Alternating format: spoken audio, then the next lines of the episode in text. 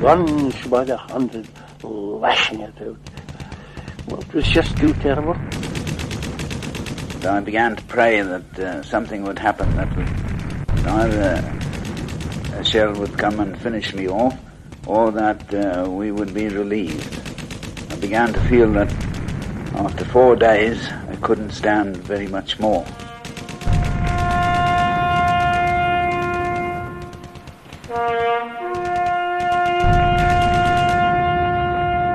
People with broken, with, with shattered arms and shattered legs, just lying there and you couldn't do anything to them. No, the devil certainly was just murder. Oh, it rained and rained and it was mud and oh, it was it was awful.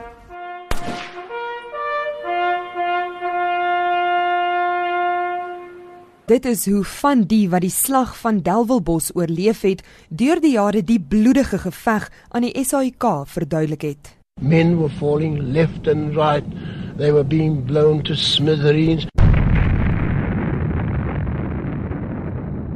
His brains were lying on the ground, and he put the, the brains back into his head and bandaged him up and took him out, and that man lived. Although he wasn't right after that, but he lived. I'm very lucky to be alive. 'n Opname is in 1966 van die veteransoldate gemaak met die 50ste herdenking van die slag. En 'n historikus is dit eens. Delwelbos moet onthou word. Suid-Afrika se erkenbaarste en hartseerste slag in die Eerste Wêreldoorlog. Emile Kutse is 'n historikus verbonde aan die Noordwes Universiteit se Mahikeng kampus. Hy is ook tans in Frankryk om Delwelbos te besoek. Suid-Afrika se se sif van bloed soos hulle dit sal sê, waar Suid-Afrikaanse bloed heeltemal in die duisende gestort is, is by Devilbos. Wat later deur die Engelse Suid-Afrikaanse Engelse sprekende soldate genoem was as Devil's Wood. Hulle was nie gereed of reg vir oorlogsvoering waar daar elke minuut oor die 400 grof geskit projektiele heeltyd op hulle neerstort nie. Hulle was nie gewoond aan oorlogsvoering waar die waar die vyand dieselfde soort wapens gehad het as hulle nie. Hulle was nie gewoond aan aan massa slagtings nie. Maar die Suid-Afrikaanse troepe, nie professionele soldate nie, maar meestal burgerlikes, was in Frankryk en hulle moes saam met die Britte teen die Duitsers veg. Delwelbos was 'n strategiese plek met 'n goeie uitsig. Kutse sê uit die geskiedenisgeskrifte wil dit blyk dat ongeveer 3100 Suid-Afrikaners hulle plekke in die loopgrawe in Delwelbos ingeneem het in 1916. Om die syfers te bevestig is volgens Kutse 'n onbegonne taak. Maar dit blyk dat meer as 2500 van die soldate in die aanslag van die Duitse militêre mag gesneuwel het. Dit beteken net meer as 600 het oorleef. Baie van die soldate word egter tot vandag toe, 100 jaar later nog vermis. Later het die vermis na dood in aksie toe verander, maar hulle het nooit huis toe gekom nie.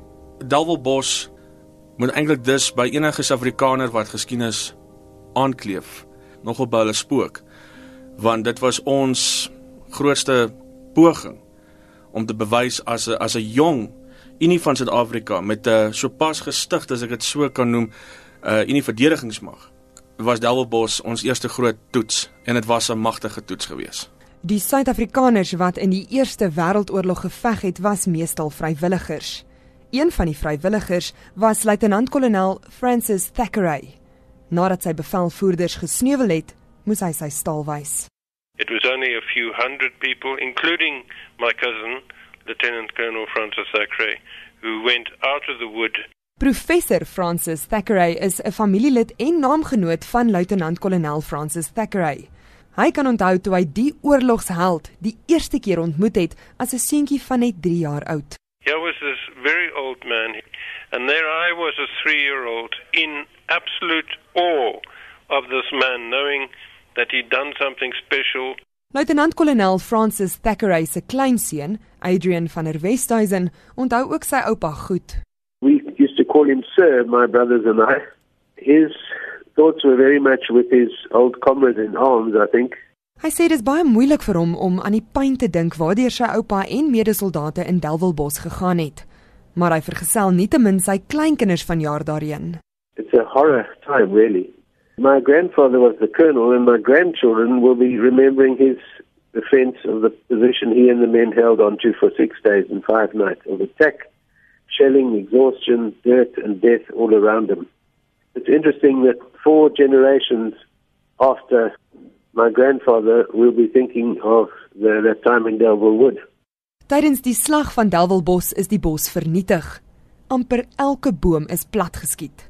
Stompe is al wat oorgebly het. Daarom het professor Thackeray in die verlede Delwelbos besoek en 'n boom geplant, maar hy wou iets met meer simboliek agterlaat. I planted a red glass bead. The symbolism is this that the red is associated with life and it's associated with blood. With it, I planted or deposited a one rand coin which has a springbok on it. And the springbok was, of course, important at the time of Delville Wood. The, the soldiers were themselves called springboks. Die nalatenskap van die slag van Delwelbos is duidelik by die nasate van die wat daar geveg het, maar vir die wat self daar was, wat self deelgeneem het en self ervaar het hoe dit bomme en koels reën, was Delwelbos lewensveranderend. In 1986 het die SAIK met die jongste soldaat wat aan die slag deelgeneem het, Angus Keith, gepraat. Hy was 18 jaar oud toe hy in Delwelbos 'n wapen opgeneem het.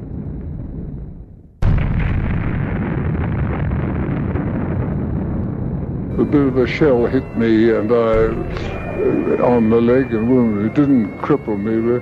So I, when the shelling started there, I dived into uh, a, a dugout. And fortunately for me, that it was I was at the edge of the wood, and all the people that had gone in and gone further into the wood, they were all killed. Major Edward Fitz het in 1986 vertel hoe hy op die eerste dag van die slag gewond is. I didn't see the battle right through. That's why it's very difficult for me to speak of the battle. But during that particular day, the artillery fire became heavier and heavier. Suid-Afrikaanse troepe van verskillende taal- en kultuurgroepe het in een van die vier Suid-Afrikaanse infanteriebataljone gedien as soldate of hulpwerkers soos Wilfred Brink. Hy het die gewondes van die slag van Delwelbos op 'n draagbaar weggedra. Hy het as 83-jarige in 1977 sy ervarings met die SAIK gedeel. Just noise, noise, noise of shells and machine guns. And the wounded are lying all over the place and you couldn't get them out. Except when the shelling lulled a bit, you see, and then we were able to get out. But to carry a body on a stretcher is a very different story, very dangerous thing. And they had a lot of casualties among the stretcher bearers. HC Farrow het in 1984 vertel van die oomblik toe sy lewe tydens die slag gered is.